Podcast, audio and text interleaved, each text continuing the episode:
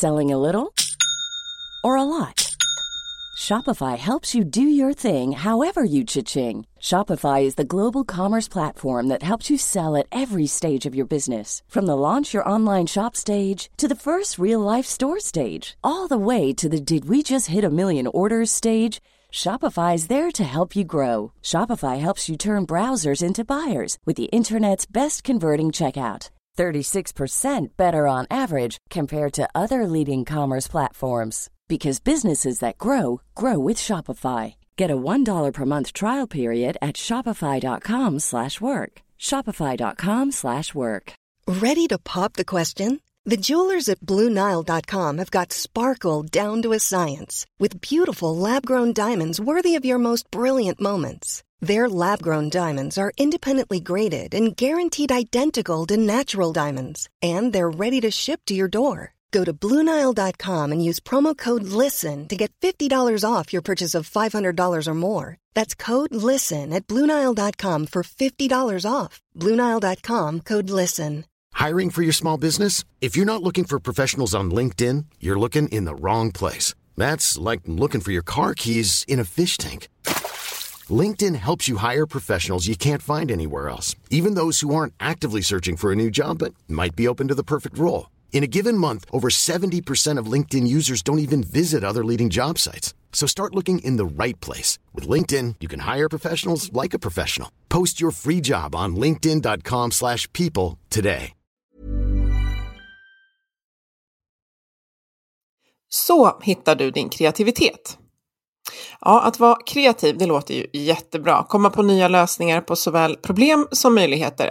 Det är faktiskt en viktig kompetens i dagens arbetsliv.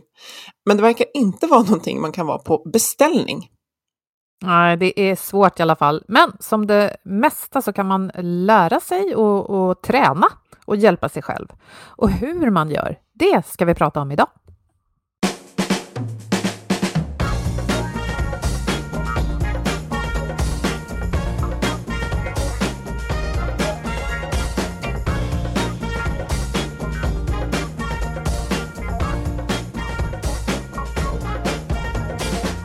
Du lyssnar på Health for Wealth. Det här är en podd om hälsa på jobbet. Trots att vi får det bättre och bättre så mår många av oss bara sämre. Ja, så kan det ju inte fortsätta. Och därför tar vi reda på hur företag och organisationer kan bygga långsiktig hälsa och lönsamhet. Och börjar vi på jobbet sprider det sig ofta även till resten av livet. Vi är Ann-Sofie Forsmark. Jag driver företaget Oxigroup. Och Boel Stier kommunikationskonsult. Lyssna på oss så får du nya insikter varje vecka för dig som är chef, ledare, jobbar med HR och medarbetare förstås. Ja, att eh, kartlägga hur personalen mår och har det ur ett hälsoperspektiv, det är ju ett första steg till att kunna erbjuda rätt åtgärder och, och insatser för att förbättra hälsan. Sant, men idag när vi kan mäta så mycket så kan det lätt uppstå en mätartrötthet och därför är vi väldigt glada att jobba med Twitch Health de är en hälsostrategisk partner som hjälper sina kunder att ta ett helhetsgrepp på hälsoarbetet och välmåendet i din organisation.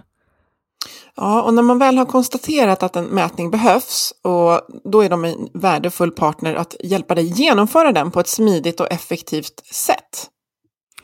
Och Twitch har någonting som heter den digitala livsstilsprofilen. Det är ett vetenskapligt förankrat och enkelt sätt att kartlägga såväl individens, gruppens och hela företagets styrkor, risker och förbättringsområden inom livsstil och beteende. Ja, och det är ett webbformulär och det tar bara några minuter att fylla i och som sagt frågorna är då vetenskapligt förankrade så att man får rätt svar. Och individen får sedan en egen rapport och företaget i sin tur får en aggregerad rapport med tydliga resultat på vad som är bra och vad som behöver att förbättras. Och Twitch tar förstås hand om den här processen och det bästa är ju att de sedan också hjälper med insatserna som behövs. Och ni kan läsa mer om det här på eh, vår hemsida, ja Twitch hemsida förstås, men vi länkar till eh, inlägg om det här från vår hemsida. Men det finns också på Twitch Health under digital hälsoprofil på deras hemsida. Men idag då Boel, känner du dig eh, kreativ? Mm, det gör jag väl lite generellt, men jag vill väldigt mycket instämma i det här som vi sa i början, att kreativitet, det är svårt att beställa fram det. Och det kan lätt döda kreativiteten. Så den här liksom, den spänningen mellan det där att man ofta önskar kreativitet men försöker beställa fram det, det vill jag gärna prata mer om. Du då? Ja, jag reflekterade över det att jag har nog varit ganska, och det tror jag vi många skriver under på, att den senaste tiden har man tvingats att vara kreativ i att lösa problem och utmaningar. Och jag önskar att det fanns eh, mer utrymme i min vardag att vara liksom framåt med min kreativitet, alltså komma på nytt och vara påhittig. Jag tycker att jag har mycket av det och tycker jag skapar förutsättningar, men jag vill jag vill definitivt lära mig mer om det och det känns superkul att vi har fokus på det idag med hjälp av ingen mindre än Frida Spikdotter som jobbar med kreativ kommunikation och storytelling. Välkommen Frida! Tack så hemskt mycket! Kan inte du fortsätta presentationen av dig, eh, för jag, jag, vill, jag vill höra mer. Mm, det kan jag göra. Eh, ja, som sagt, kommunikation, storytelling, kreativitet eh, är vad jag jobbar med som eh, rådgivare och även via min sajt som heter skrivplaneten.se där jag har lite digitala produkter som eh, kretsar kring det här. Eh, mitt intresseområde, eller det, det, jag kom in via, är ju just kommunikationen och skrivandet. Eh, men det har med tiden blivit mer och mer fokus på hur eh, kreativ utveckling sker i människor. Jag är jätteintresserad av det och har ju själv erfarenhet som jag försöker liksom, ja, dela med mig av till både ja, egenföretagare, småföretag, eh, individer. Um, så det jobbar jag med i alla former av kreativa processer skulle jag säga. Så det är allt från konstnärlig kreativitet och skrivande till hur du faktiskt berättar roligare, mer öppet och personligt om ditt företagande för att ja, möta nya människor och, och skapa samarbeten och sådär. Men kan vi inte hoppa rätt på kärnfrågan här och ställa frågan, vad är egentligen kreativitet, skulle du säga? Ja, eh, i min värld, för det finns ju säkert många olika sätt att beskriva det på, men jag har kokat ner det till eh, en öppenhet kan man väl säga i tanken för sig själv och för nya intryck. Och det i sin tur är väldigt starkt kopplat till eh, lyhördhet, både för andra och för en själv. Men att också upptäcka och bejaka och inte minst förvalta sitt idéarbete. Eh, det funkar ofta så att det, eller ofta, det funkar så, det byggs kedjor av idéer så även dåliga idéer kan generera bra idéer. Och du behöver liksom komma över de hinder som vi alla har i, i olika former, alltså mentala hinder eh, för att förstå vad man faktiskt är kapabel till. Och det här ser jag som en process som pågår i människor, i individer. Men det påverkar naturligtvis också det du gör i, i alla steg.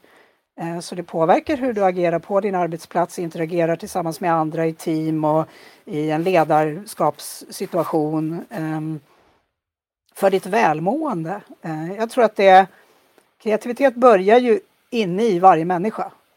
Vi är ju skapade en gång i tiden och jag, min övertygelse är att du kan liksom inte sluta skapa. Och idag kanske vi anpassar oss lite väl mycket till Eh, ja, till samhällsnormer, till eh, företagsnormer och prestation och, och, ja, det som leder till psykisk ohälsa och stress och, och, och sådana saker. Jag tror att vi delvis har tappat lite grann den där kontakten med oss själva. Jag märker det när jag, när jag jobbar med människor, att när jag frågar så, men vad tycker du är kul att göra? Det är som att det är nästan på gränsen till olagligt att ha kul. Ja men det är liksom lite kriminellt, det är lite så nej, det, det, det har jag glömt bort hur man gör. Man kan ju tänka hur det var när man var barn. Jag tänker att eh, samtal om kreativitet handla, eller kan ofta börja där, alltså vad man gillade att göra när man var barn och eh, sånt som man kanske ofta tillät sig att göra då, leka till exempel. Att kreativitet är väl lite lek, att testa nya saker i nya sammanhang och bara tillåta sig att, att, att prova, att det inte måste vara eh, en speciell utkomst. För det du säger, Frida, är ju att vi ofta vill hålla oss till normer och regler och det är tryggt och då gör vi som vi alltid har gjort. Men det är ju egentligen motsatsen till att vara kreativ, eller?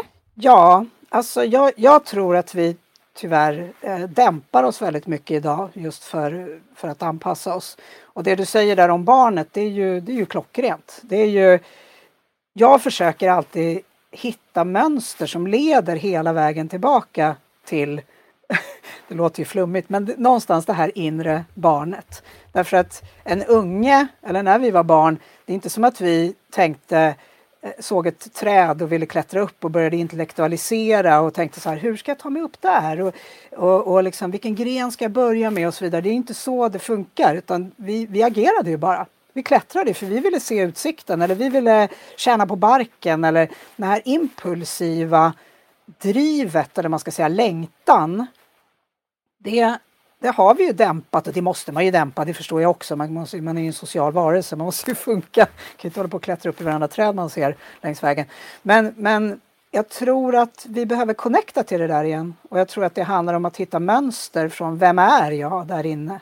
Vad, vad, är, min, vad är min story om du förstår? Jag menar, liksom, vad, vad, var börjar allting? Vad, vad, vad, vad hittar jag den där kraften som inte går att stoppa? Eh, och sen plocka in den i, i vardagen, i sitt vuxna liv. Men hur gör man det här då? Hur gör du när du jobbar med till exempel företag och har ett uppdrag? Ja, egentligen så finns ju som bekant, eller på säga, alla svar finns ju inom, inom människor. Så att egentligen så hjälper jag bara till att försöka ställa de rätta frågorna och öppna upp tankarna som kanske kan ta lite andra vägar. Eh, att man på något sätt får kontakt med, aha, ja, så kanske man kan tänka. Eh, och gör man det här till exempel i grupp så blir det ju nästan extra kraftfullt. Det, det funkar ju på individuell nivå, du kan få dina aha-upplevelser och det är ju en form av såklart liksom personlig utveckling egentligen. Att komma tillbaka till det man en gång eh, hade på något sätt. Men det här funkar även i, i, ja, men i team, säg. Att om flera människor hittar den här kraften samtidigt så höjs ju så att säga modet i rummet. Och jag tror, jag, jag tror ju väldigt mycket att Ehm, I kreativiteten på något sätt, i den individuella kreativiteten, finns inte så mycket konkurrens. Alltså, den är lite påhittad. Ehm, om du bara drivs av din längtan, då blir du också mer öppen för att bejaka andra människors längtan och, och tankar. Du blir inte lika instängd och, och, och hotad av att någon annan är kreativ om du själv får utlopp för det. Jag tror att man blir avundsjuk nästan om man ser någon som sprudlar och, och så tänker man att jaha, vad har den där människan gjort för att... Den är knäpp, typ. Och man får också få vara lite knäpp själv. Så tror jag att vi, vi kan dubbla liksom energin i rummet. Ja, de här orden du använder som knäpp eller att göra på ett annat sätt, det, det handlar väl lite om det här att vara utanför boxen som man ofta säger idag. Mm. Och är inte det lite intressant att vi i, i den här tiden, vi pratar ofta längtansfullt om innovation och, och mm, komma utanför eh, bekvämlighetszonen. Mm. Men vi vet inte riktigt hur man gör. Nej. Eller? För vi fastnar lätt. Jag tror, om jag, det blir mycket tror här, men jag, jag tror att det handlar väldigt mycket om tillit till individers olika kapaciteter. Um, att vi, om man tar liksom ledarskapssituationen idag, det kanske återigen då, det kanske råder en viss konkurrens, man, som, man vill komma någon vart, man ska ha mål, man ska ha mätbarhet, allt det där.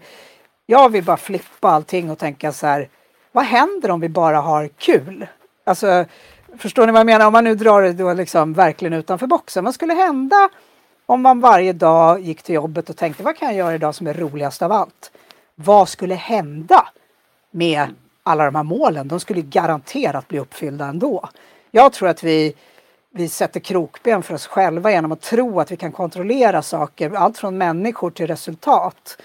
Um, jag tror att en innovativ miljö bygger liksom på eh, vad behöver du för att tänka på ditt sätt som passar för dig. Vissa behöver Excel, andra behöver en promenad eller både och. Eller liksom, vi, vi, vi, vi vill liksom gärna hitta lösningar och nycklar för så funkar kreativitet. Om jag bara skapar den här miljön så kommer det här bli en innovativ eh, arbetsplats.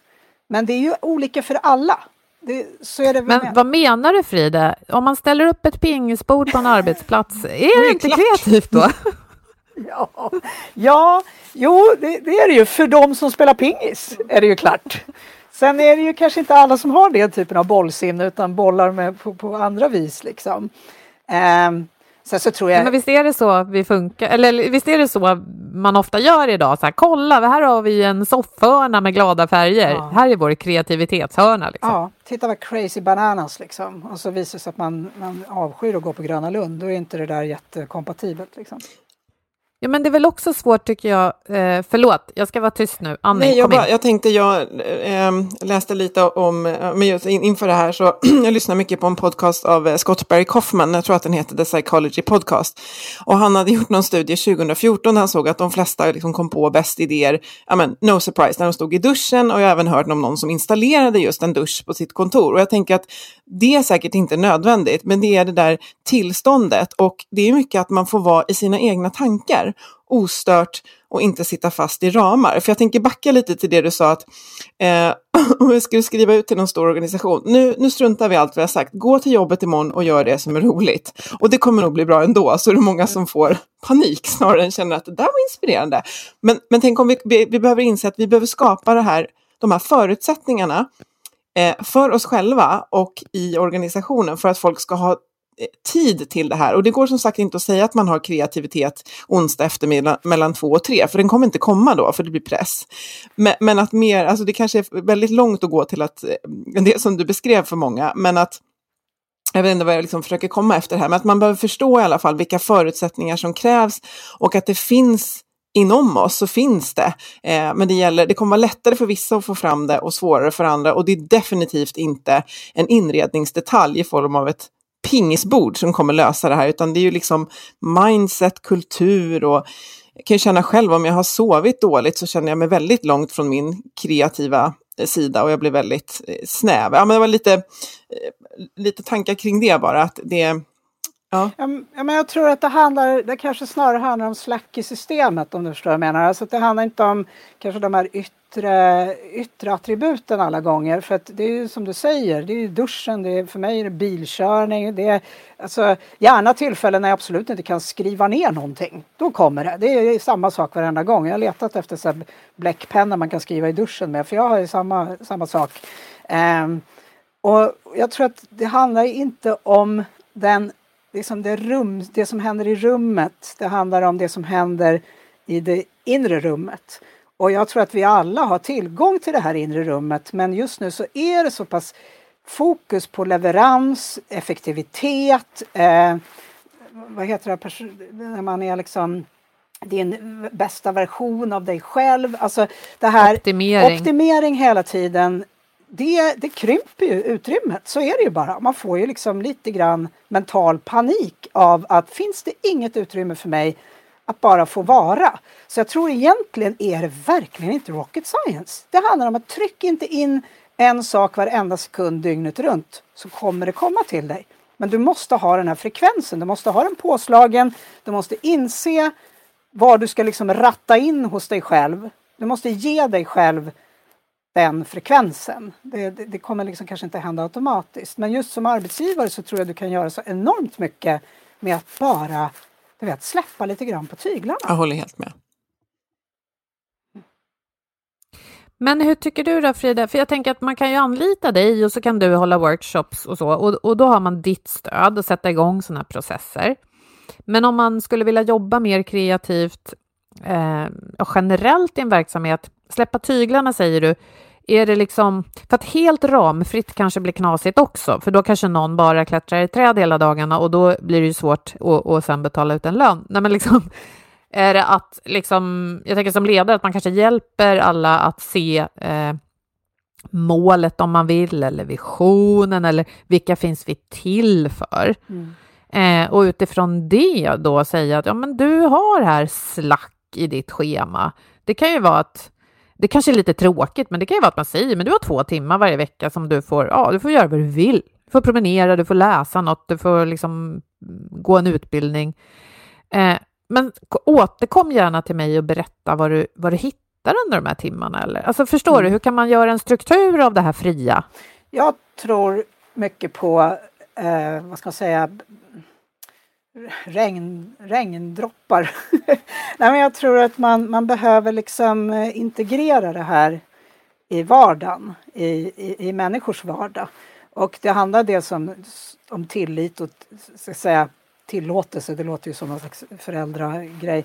Men, men jag menar att, att man liksom har återkommande till exempel workshops, det kan man ju hålla helt själv, alltså att man bara hittar forum där människor får landa i det här regelbundet. Och det behöver ju inte vara liksom egentligen något uppstyrt utan säg som du säger, ja men två timmar i veckan Sätt ihop en grupp, snacka om ett ämne, läs en artikel ihop. Alltså, lite grann handlar det också om input och output. Eh, om vi aldrig får tid att, att landa i saker som vi till exempel tycker är intressanta, om det så är kulturyttringar eller sport eller liksom eh, om man får som grupp till exempel på en arbetsplats landa i det.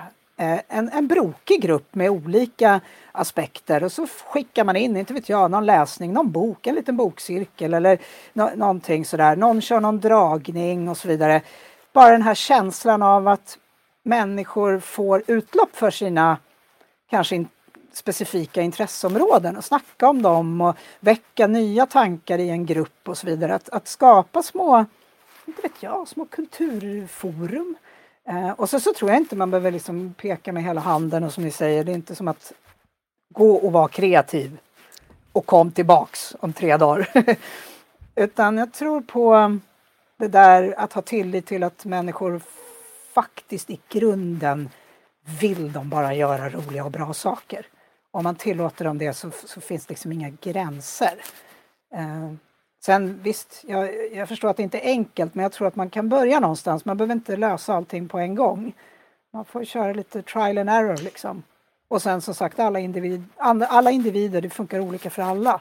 Men förutsättningarna kan ändå ges på en högre nivå tror jag jag tänker att några av oss skulle ju vara helt redo att, att just bara, man där klättrar ju upp i träd-metaforen, att göra någonting helt, om man säger då, utanför, långt utanför den här boxen vi pratar om. Men jag tänker, jag och Boel, vi poddade, nu minns jag inte när det var, men vi poddade lite om kreativitet. Och jag kommer ihåg en grej som du hittade på, Boel, att vi skulle resonera kring, som väckte min kreativitet. Och det var att vi sa att, ja men tänk om vi inte hade någon, någon, någon teknik för att podda och vi inte kunde släppa podden som vi gör nu, utan vi skulle behöva dela ut podden. Hur skulle vi göra då? Och det där var jätteroligt att tänka kring och det fick liksom igång, det kändes som att nya tankebanor i hjärnan gick igång. Så jag tänker att det här skulle kunna vara någonting att göra som en övning i en organisation. Ja, men tänk att vi, vi alltid gör så här när vi, ja, men bara utifrån att folk har fått ändra sina mötesstrukturer på grund av corona. Alltså att vi brukar göra så här, men tänk om det här inte skulle funka om en vecka. Hur skulle vi göra då? Jag tänker det är ett ganska tryggt och nära sätt att börja utforska kreativitet för de som känner att ja, men det här känns jätteflummigt och långt bort och, och svårt och sådär och inget pingisbord har vi. Att man kan börja där någonstans. Vad tror du om det? Ja, definitivt. Jag tror verkligen på att börja i det lilla, gräva där man står. Um, detaljer till exempel och avgränsningar är ju sånt som, som kickar igång. Uh, man kan ta liksom en, en ja, inte vet jag, ta en specifik liten minimal utmaning som finns. Vad gör vi? Kaffet är alltid slut eller vad som helst. Alltså någonting som skapar bilder som i sin tur börjar liksom kicka igång idéer och sen så måste man ju också vara lyhörd för och det är där jag då personligen som, som har nära till skrivandet och använder det mycket som verktyg i mina workshops. Det är ju en så himla enkel, nära, billig om du vill, liksom penna papper metod om man bara, om man bara liksom skriver ner handen på pappret som en liksom lite grann meditationsakt så kommer det saker.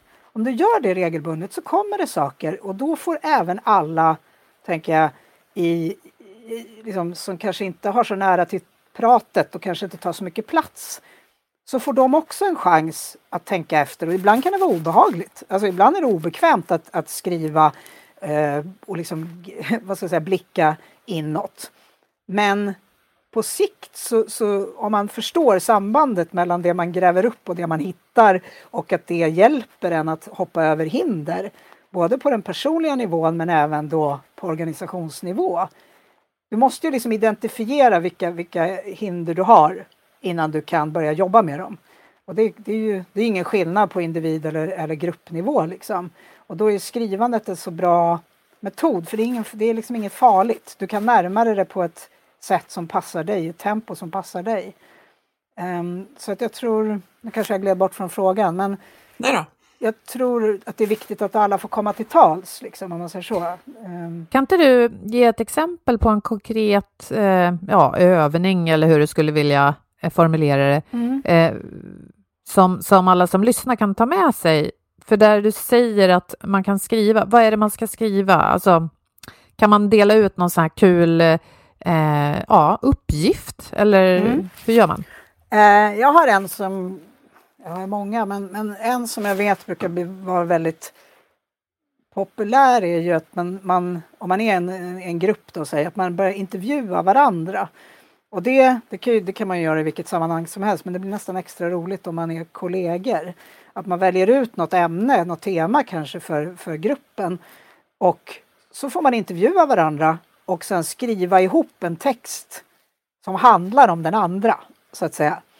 Eh, det blir väldigt eh, vad ska jag säga, kraftfullt för att eh, dels så börjar man se varandra på ett annat sätt. Man ser varandra på ett djupare sätt och du som intervjuar och tolkar din kollega så att säga ehm, får, får liksom öva på att vara lite ödmjuk inför vad en annan person ja, men sänder ut, vilka vibbar, vi, vi, vad, hur tolkar jag den här personens berättelse? Och så, så, ja, så blir det ju naturligtvis ett samtalsunderlag och den tänker jag, det kan man ju göra på specifika ämnen. Om man har en utmaning någonstans i organisationen, att man låter människor intervjua varandra om hur den då skulle kunna lösa den här utmaningen, vad den ser som hot och möjligheter och så vidare. Um, så det är ett exempel. Det andra är ju bara ren, ren storytelling. Att man inte är så van vid att använda språket för, för att liksom se på sig själv. Man kan beskriva sin egen morgon och då säger han så, men det är väl inget intressant.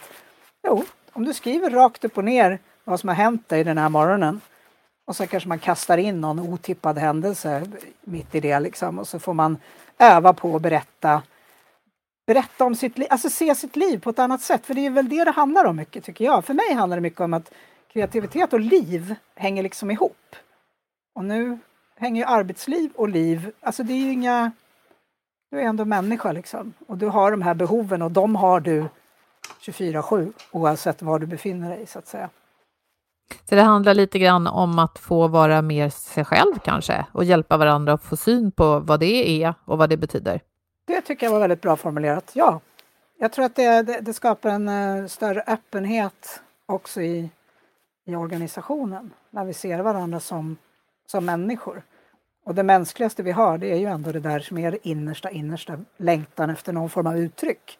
Hur det uttrycket sen ter sig kan man ju använda på många olika sätt. Ja, det Mm, känns som att man, intressant. eh, man kommer åt fler saker i, i den där. Man kan komma åt både kreativitet, mer psykologisk trygghet, alltså mycket av det här som vi, som vi vill ha, som sen i sin tur skapar förutsättningar för att eh, ja, våga, våga vara kreativ och tänka kreativt. Så att, ja, det gäller ju bara att få liksom, Eh, just det, och, och, och var- man börjar, hur trygg är man med varandra? Jag, menar, jag och Boel skulle kunna kasta oss in i en sån övning eh, direkt nu, medan i andra grupper så är man lite, lite någon annanstans och får börja där det känns tryggt och liksom komma, komma närmare där. Men ja, det är, det är superspännande. Det är så, eh, eh det är så eh, annorlunda. Eh, men det är så otroligt viktigt. För som sagt, som jag sa i inledningen, det här med att kreativitet är viktig eh, kompetens. Det kommer från eh, World Economic Forum. De har en rapport som de gör. Jag tror att de gör den vartannat år. Vi har nämnt den tidigare. Eh, där man tittar på de viktigaste kompetenserna för dagens arbetsliv. Och det är klart att det har skiftat och, och, och förflyttar sig. Men just det här kreativitet och kunna liksom, tänka framåt och lösa problem, inte bara lösa problem, men komma på nya lösningar. Det är liksom helt centralt. Så det, det här är ju inget mjukt och fluffigt, utan det är ju kärn, eh, kärnförmågor som vi behöver i de flesta organisationer. Och just med tanke på att vi är mitt i pandemin när vi spelar in så har ju vi behövt vara kreativa och vi har sett väldigt många kreativa lösningar. Så att vi, har, vi kan ju när vi måste, men tänk vad roligt om vi kan få vara där i ett eh, också positivt eh, liksom mindset och inte att det är något som, som inte funkar eller hotar. Nej, och det tror jag. Jag tror mycket på det med ju, ju tryggare man blir i att det är okej okay att få utlopp för den här kreativiteten, desto större chans att man bejakar också de idéer som kommer. Och det tror jag har att göra, alltså dels med, med den liksom, vad ska jag säga, personliga tillfredsställelsen, min idé dög. Men även på en högre nivå, på en samhällsnivå, på en strukturell nivå, att faktiskt plocka fram idéer och innovationer som, som vi tror på, som fungerar och som vi har varit många att lyfta, lyfta upp. Att det inte bara blir liksom ett litet skikt som sitter i toppen och bestämmer att så här ska det vara. Ehm, jag, tror, jag tror starkt på att, att både vad det gäller företag och, och samhället i stort, att få med så många som möjligt i en, en liksom att höja vårt medvetande kring de här frågorna. Desto större buffert tror jag vi bygger både som individer och, och, och ur liksom ett större perspektiv mot en värld som skickar på oss allt fler utmaningar.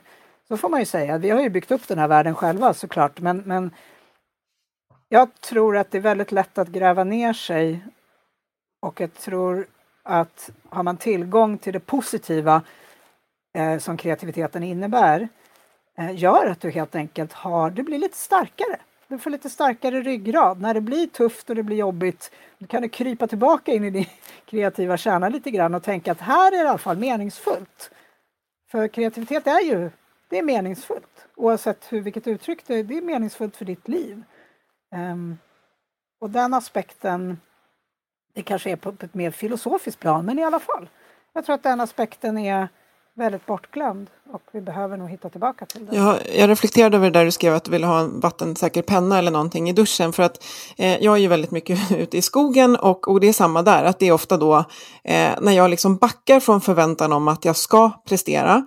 Eh, jag backar från någon förväntan om att jag är på jobbet men det är då jag kommer på massa nya idéer och, och, och jag har också väldigt mycket, jag liksom stannar och så skriver jag i min anteckningssida på, på telefonen och ibland kan jag knappt läsa vad jag har skrivit men jag, jag känner att jag måste liksom fånga den där idén just där och då. Sen kan jag ta den vidare mer handgripligen när jag kommer tillbaka till, till datorn eller hemma och sådär. Men, men, men just att förstå att det eh, ja, som sagt, vi, vi vet själva att vi kommer oftast på saker när vi har backat från förväntan om att prestera. Men jag tänker att vi kommer in lite på, eh, förstå att det är viktigt att vara kreativa och eh, vi kan inte ge one size fits all tips till våra lyssnare om hur man ska komma åt bättre av sin kreativitet. Men, men var, var kan man börja då? För jag tänker att vi kan facilitera för varandra som du beskrev, men man kanske är i ett läge där man inser att ja, men det här behöver jag nog ta itu med för mig själv. Och jag vet inte om det är i duschen eller bilen eller skogen eh, det här sker. Vart kan jag, vart kan jag börja någonstans tycker du? Ja, eh, jag, jag har gjort ett, eh, som är fokus på, på det här, jag har gjort en en, ett digitalt 12-veckorsprogram för människor som är nyfikna på att utforska sin kreativitet och då handlar det just om eh, vad funkar för mig? Eh, vilka hinder eh, har jag? Mentala och, och även fysiska. Jag menar, man behöver också ett utrymme men man måste också ha koll på varför, som du beskriver nu, i, händer det i skogen? Ja, då måste jag ju uppsöka skogen oftare. Händer i duschen, då måste jag duscha oftare. Nej, det kanske man inte måste. Men, men liksom det handlar om att kartlägga sig själv som en eh, kontinent. Eh, får ta en Vad stort. eh, ja, eller hur. Det, det, är stort och det är knöligt och det är svårt. Och alla har vi vår historia, alla har vi vår story. Och eh, i, i, till exempel då, det finns många olika metoder, men till exempel i det här 12 veckors programmet så gör man det här eh, steg för steg, vecka för vecka genom att liksom gå in lite bit för bit i någon slags vattenfall som leder dig hela vägen in till din innersta liksom, kärna. Om man i princip avslutar med att göra en deal med dig själv. Okej, okay, om jag vet att det är skogen, om jag vet att det är promenaderna eller om jag vet att det är när jag umgås med hundar eller när jag träffar min farmor eller sådär. Eh, så ska man helt enkelt få in det mer i sin vardag och på det sättet successivt, för det här är ingen quick fix. Det älskar vi också, quick fixes. Man kan ju tänka på, liksom, jag är snart 50 bast. Det har ju tagit mig rätt många år att och liksom vaggas in i de här härliga normerna och du ska prestera och Frida, du är så glad och trevlig jämt. Att försöka hitta tillbaka till sin egen äkta story som jag äger. Det är en process liksom. Eh, så jag tror mycket på det inre utforskandet. Eh, att hitta vägarna tillbaka till den där ungen liksom, som du en gång var. Och sen så när du har hittat henne eller honom, gå tillbaka hela vägen ut. Ta med dig det allra bästa. Ta henne i handen och bara, kolla här, så här ser det ut nu. Vad kan vi göra med den här världen, du och jag? Att få tillbaka liksom lite av den där lekfullheten och längtan och det fantastiska som vi liksom kom ut med när ingen hade lagt på oss någonting. Så jag tror det är ett sätt att successivt göra det här. Um, och, och, och, som sagt, hur man gör det om man utforskar genom skrivandet eller andra former. Det finns säkert massa andra former. Det finns mycket man kan läsa liksom om hur kreativitet funkar. Uh, såklart. Julia Cameron, alltså John Cleese skriver om de här grejerna. Det, det finns jättemånga människor som, som tar upp de här frågorna. Så du kanske kan hitta ditt sätt att närma dig det. Men jag tror att det är svårt att göra det helt på egen hand. Man är så instängd i sin egen misstro mot sig själv. Eh, och så.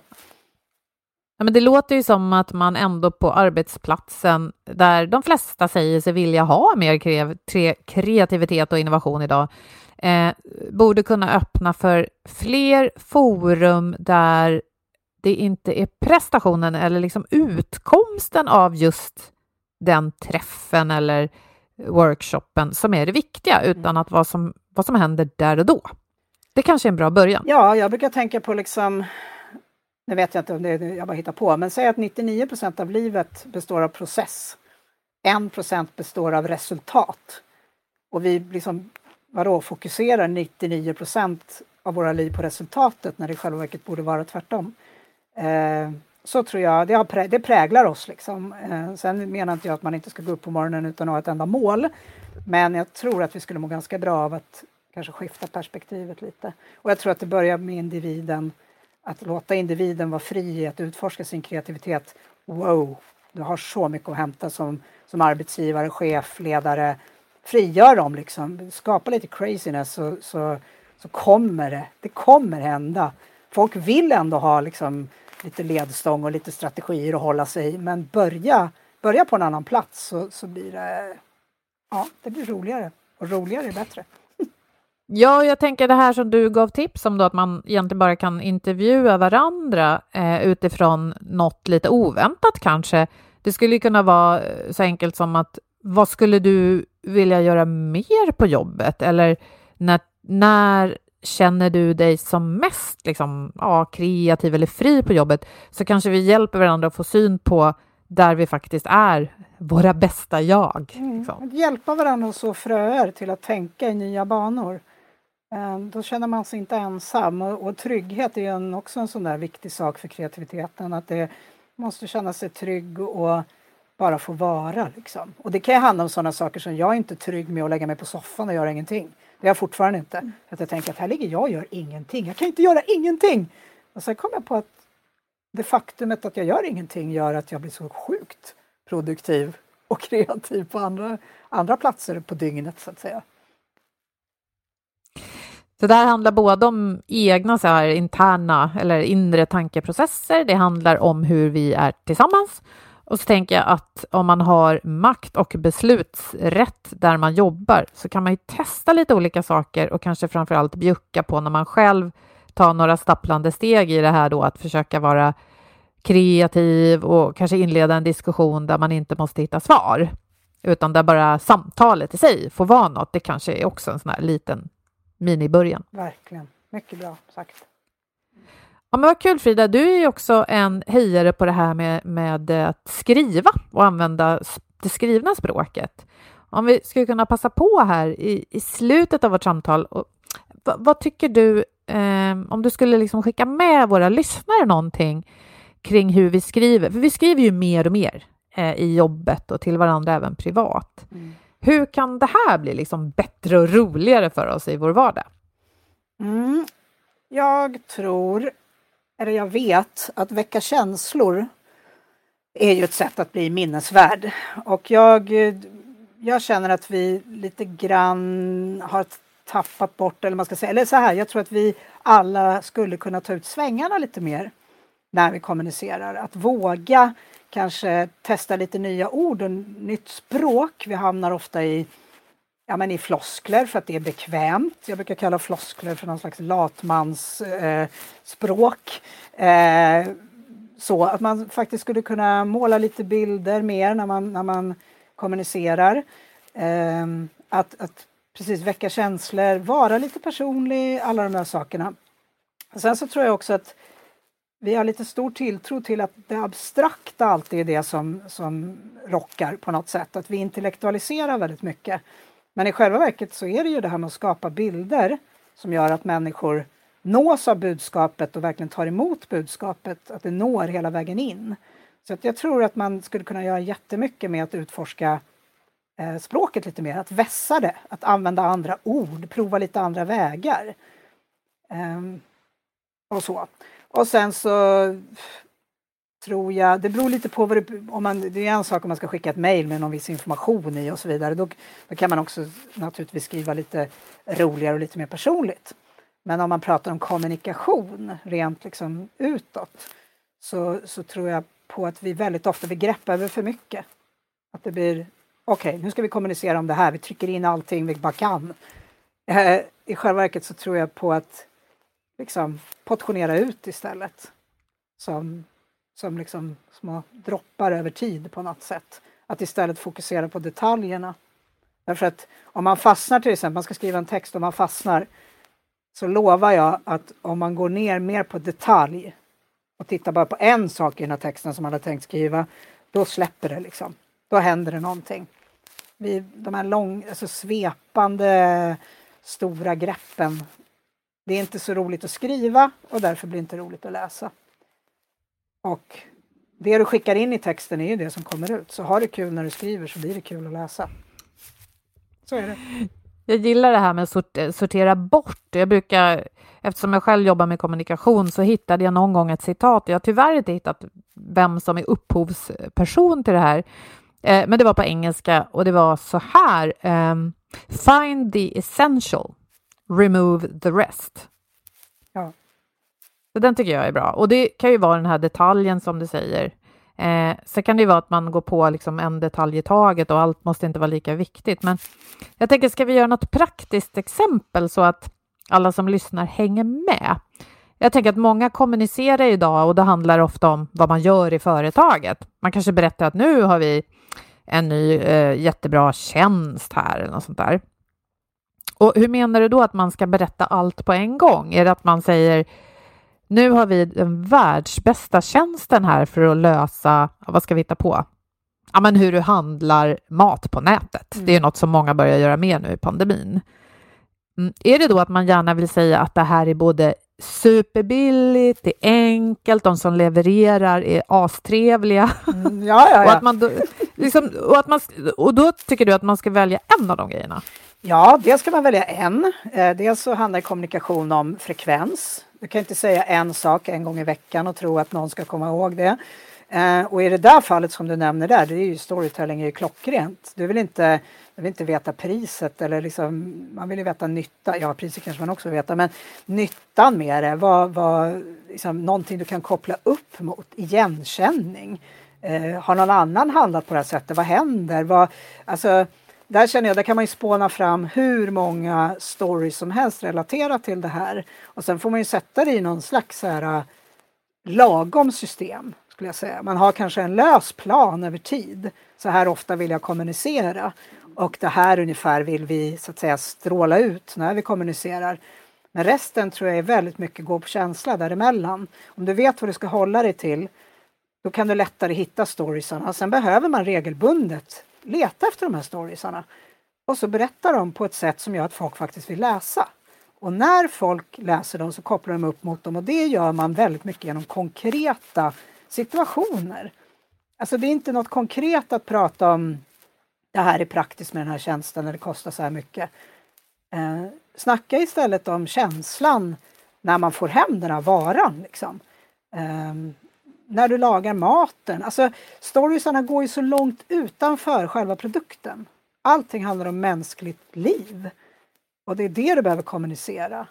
Eh, sen, sen när man, när man liksom har nått in där, då har du ju hookat upp så att människor är intresserade av att läsa mer. Och då kan du ju ha någon form av information.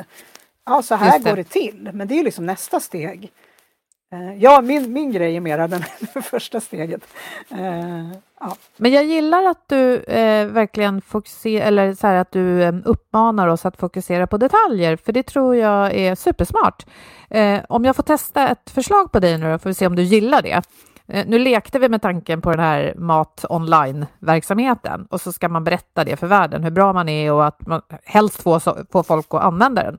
Skulle man kunna säga så här, är du också trött på att handsprita ihjäl dig på ICA? Eller på så här, att man, man börjar med någon liten grej som kan ge igenkänning ja. och bara, ah, ja, det är jag. Jag är väldigt torr om händerna hela tiden. Ja, Eller... ja men exakt. Jag tror, jag menar, alltså, jag har ju, jag står i med ena benet i liksom, jag är bloggandet sedan hundra år tillbaka på Spikdotter eh, bloggen och även liksom i det, hälften i det skönlitterära och det är ju någonting som jag har använt som grepp även liksom när jag har jobbat som redaktör och gjort mycket intervjuer och sådär. Så, så får jag ofta höra liksom, eh, du, du, säger ju det här bättre än vad jag sa det i intervjun. Men det handlar ju bara om att man, att man har vässat förmågan att lyckas liksom fånga känslan. Och det är precis det du beskriver. Det här är ju någonting som alla kan relatera till. Så kom en annan ingång. Så här, du kan till och med börja så här. Okej, okay, handsprit. Var har jag handspriten? Eh, nej, den är slut. Jag måste gå och köpa. Alltså, inte vet jag. Alltså att det finns liksom eh, någonting. Vi, äh, handsprit är ett lysande exempel. Det kan ju alla relatera till idag. helt enkelt. Ja, eh, på massa olika sätt. Eh, så så att jag, mm, jag gillar det. Mm. Jag gillar det. Ja, men vad kul att få prata om det. Nu känner jag att mm. det här samtalet, vi började stort och filosofiskt och, och pratade om den här lilla ungen som vi har i oss alla som vill leka mer. Och så slutade vi med ett väldigt sagt, praktiskt och konkret exempel på hur man kan väcka känslor när man kommunicerar. Ja. Det tycker jag var eh, mm. fantastiskt faktiskt. Vad roligt. Jag, jag tar med mig, framförallt för att jag har mejlat med dig och, och minns de mejlen för att du förmedlade en bild liksom, av när vi skulle podda så förmedlade du det som åh, ett härligt ljus i höstmörkret. Och då tänkte jag så här, tar egentligen noll tid att skriva men gör att det där mejlet är trevligare att få, det är en tydlig bild. Och sen eh, hjälpte du mig just det här med när man skriver, att eh, när man försöker förklara så himla mycket fluffigt, att faktiskt gå in i detalj. Eh, och det gör det lättare att skriva och att självklart så påverkar min sinnesstämning medan jag skriver eh, hur, bra, hur bra det blir. Så att faktiskt väldigt eh, värdefulla tips just eftersom Boel säger, vi skriver ju mycket mer. Vi skriver hela tiden om vi skulle inventera hur mycket vi skriver och när vi väl gör det så är det ska det både vara kul och bli bra, tänker jag. Mm. Annars är det inte värt. Mm. Så att jättekul. Och som sagt, du har ju bloggat såg, sedan 2006. Det är ju jättelänge. Ja, så att du, ja, du var tidigt ute, early adopter. Och det finns, eh, liksom man kan gå in på din hemsida och läsa mer och få tips och eh, följa dig. Och vad var så. det för adress till den? Ska vi säga det igen? Eh, skrivplaneten.se. Mm. Härligt. Ja. Tack. Frida. Tack för att jag fick ja, komma. Tack. Det var jättekul att ha dig med. Vi ska eh, prata lite om vår samarbetspartner motivation.se som eh, samlar tusentals tidlösa och, och, aktuella artiklar om allt från ledarskap till motivation och även kreativitet. Idag tipsar vi om en artikel skriven av Einar Weman och där finns det tips på hur man kan få till kreativiteten genom det som man faktiskt gör i vardagen. Och det låter ju bra. Vi lägger en länk till den artikeln, precis som vanligt i vårt inlägg. Och vi ska också säga att Frida, du skriver ju också på motivation.se. Så att jag tänker att man kan gå in och söka på dig som skribent där, så hittar man dina artiklar och där handlar det också om kreativitet. Det kan man göra. Och därmed så tackar vi våra samarbetspartners Twitch Health, motivation.se, tackar Agda Media för den här produktionen. Tack Frida och Boel och tack våra lyssnare. Följ oss på LinkedIn, kommentera gärna, prata med oss och sköt om er så hörs vi om en vecka igen. Hej då! Hej då! Hej då!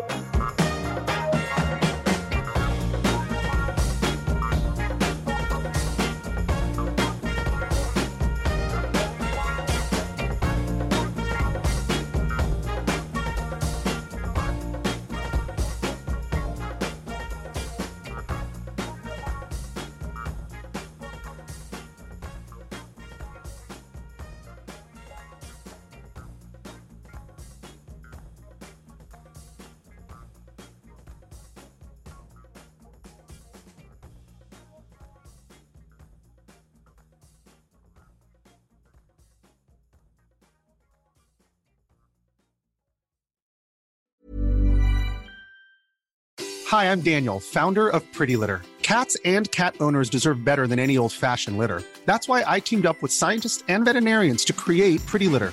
Its innovative crystal formula has superior odor control and weighs up to 80% less than clay litter. Pretty Litter even monitors health by changing colors to help detect early signs of potential illness. It's the world's smartest kitty litter.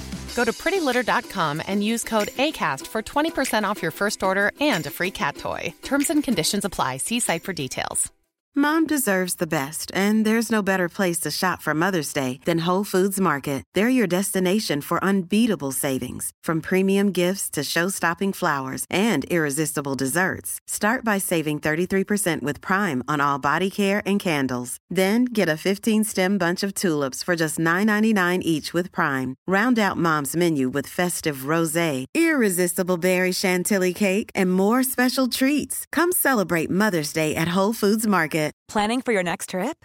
Elevate your travel style with Quince. Quince has all the jet setting essentials you'll want for your next getaway, like European linen, premium luggage options, buttery soft Italian leather bags, and so much more. And is all priced at 50 to 80% less than similar brands. Plus, Quince only works with factories that use safe and ethical manufacturing practices.